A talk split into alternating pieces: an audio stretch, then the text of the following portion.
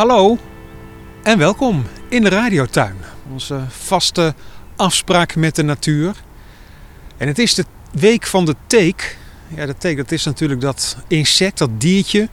waarvan je altijd hoort dat je ervoor moet oppassen... omdat het ook de ziekte van Lyme kan overbrengen. Dan kun je behoorlijke gevolgen van krijgen. Maar hoe gevaarlijk is die teek eigenlijk? En ik weet dat je hem ook gewoon in je eigen tuin kunt vinden. Dus ook in de radiotuin. Daarom gaan we een onderzoekje doen. Ik ben hier samen met natuurkenner Erik Milieu. Dag Erik. Goedemorgen Remco. Ja, want de teek, dat is dat insect waarvoor je moet oppassen. Dat hoor je altijd. Waarom eigenlijk? Teken die uh, zijn natuurlijk bekend dat ze dan af en toe ineens in je, in je knieholte vastgebeten zitten. Maar wat een, uh, een teek doet, is die heeft namelijk elke keer een klein beetje bloed nodig om zich uh, te vervellen en door te gaan naar het volgende stadium in zijn leven. En feitelijk komt het erop neer dat hij twee of drie keer heeft hij een, een gastheer nodig waar hij zich in vastzuigt. En dan op een gegeven moment zich weer loslaat en doorgaat naar de volgende. En doordat hij dat doet, zie je eigenlijk dat ze dus ziektes kunnen overbrengen van de ene naar de andere gastheer. En dat is die ziekte van Lyme bijvoorbeeld? Bijvoorbeeld, ja. Feitelijk gaan teken zich op uh, allerlei gastheren vastdoen. Maar in het begin zijn het vooral muizen, egeltjes. Uh, en die lopen natuurlijk bij ons in de tuinen. En wij als mens zijn eigenlijk een van zijn, uh, zijn laatste. Wij gaan teken zoeken. Hè? Hoe gaan we dat eigenlijk doen? Want we zijn hier bij een grasveld. Ja, wat we gaan doen is we gaan even een tekenvlag maken. Jij vroeg aan mij of ik een oud laken wilde meenemen. Nou, dat heb ik, alsjeblieft. Hier ja. heb jij het laken. Prachtig. Een mooi wit laken, daar kunnen we ze goed zien. We maken aan dat, uh, dat laken een stok vast, zodat we hem eigenlijk een stukje over het gras kunnen slepen. Dus uh, we gaan even knutselen, Remco. Oké. Okay. En het doel is dat als je hem straks over de grond sleept, dat het niet een soort fotje achter je aan wordt, maar gewoon een platte lap die je dan over de grond kan slepen. Een grappig onderzoek is dit, want dit is in België wel eens gewoon echt massaal gebeurd, hè? Ja, ja uh, vorig jaar, twee jaar geleden, hebben ze in België een groot citizen science onderzoek gedaan. En hebben ze gevraagd aan iedereen of ze dit uh, thuis in hun tuin of in het park of in het bos willen doen. Zodat ze een beetje in kaart konden brengen, waar zitten die tekenen nou eigenlijk allemaal? En verbazingwekkend, heel veel tekenen zitten gewoon thuis, lekker in de tuin, hè? Ja. En dan pak ik hier even, ja, kijk hier een beetje hoger gras. Je legt het neer, het laken, aan de stok en dan trek je aan het touw dat ervoor hangt. En dan is het eigenlijk een soort sleepnetje. Kijk, want wat de teken natuurlijk doet, is die gaat hoog in het gras of op een, op een spriet gaat hij zitten wachten totdat er een slachtoffer voorbij komt lopen eigenlijk. Een mens bijvoorbeeld? Een mens. En dan uh, duikt hij natuurlijk op je, op je schoenen, op je broek. En dan gaat hij rustig naar boven kruipen. En dat kan met die, uh, zeker met die hele kleintjes, met inderdaad de nymfen. Die hebben nog maar zes pootjes. Net voor dat stadium dat ze een, officieel een teken worden. Oh, daar merk je eigenlijk bijna niks van. Dus dan gaan ze door naar de volgende. Het zijn pas echt die volwassen teken. De vrouwtjes. Die dus, uh, nou, die zijn groot. Die voel je ook wel lopen hoor, als ze op je komen zitten.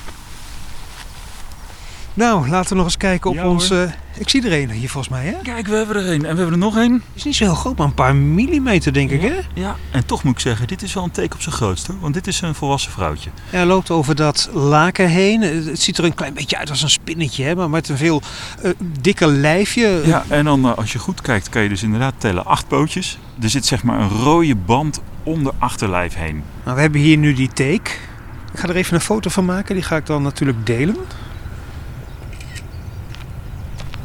Eigenlijk dat zo'n klein diertje zo gevaarlijk kan zijn voor ons mensen. Ja, wonderbaarlijk hè. Ja, en ik vind het soms zou je bijna zeggen, ik, ik heb het ook niet op teken hoor, maar bijna een soort zielig bestaan. Want je kan een jaar zonder voedsel doen en je kunt je voorstellen, die hangt dus soms wel bijna een jaar ergens in een spriet te wachten tot de gastheer voorbij komt. Ja, dat is dus een ongelooflijk eenzaam bestaan. Dat je daar zit te wachten totdat er misschien een konijntje voorbij hupst. Maar wij hebben het vaak over het nut van insecten. Insecten bestuiven, weet ik veel, zijn altijd wel ergens nuttig voor.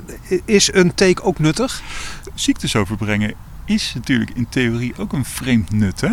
Neem bijvoorbeeld uh, een konijnenpopulatie als die explodeert. Uh, en er komt ineens een ziekte.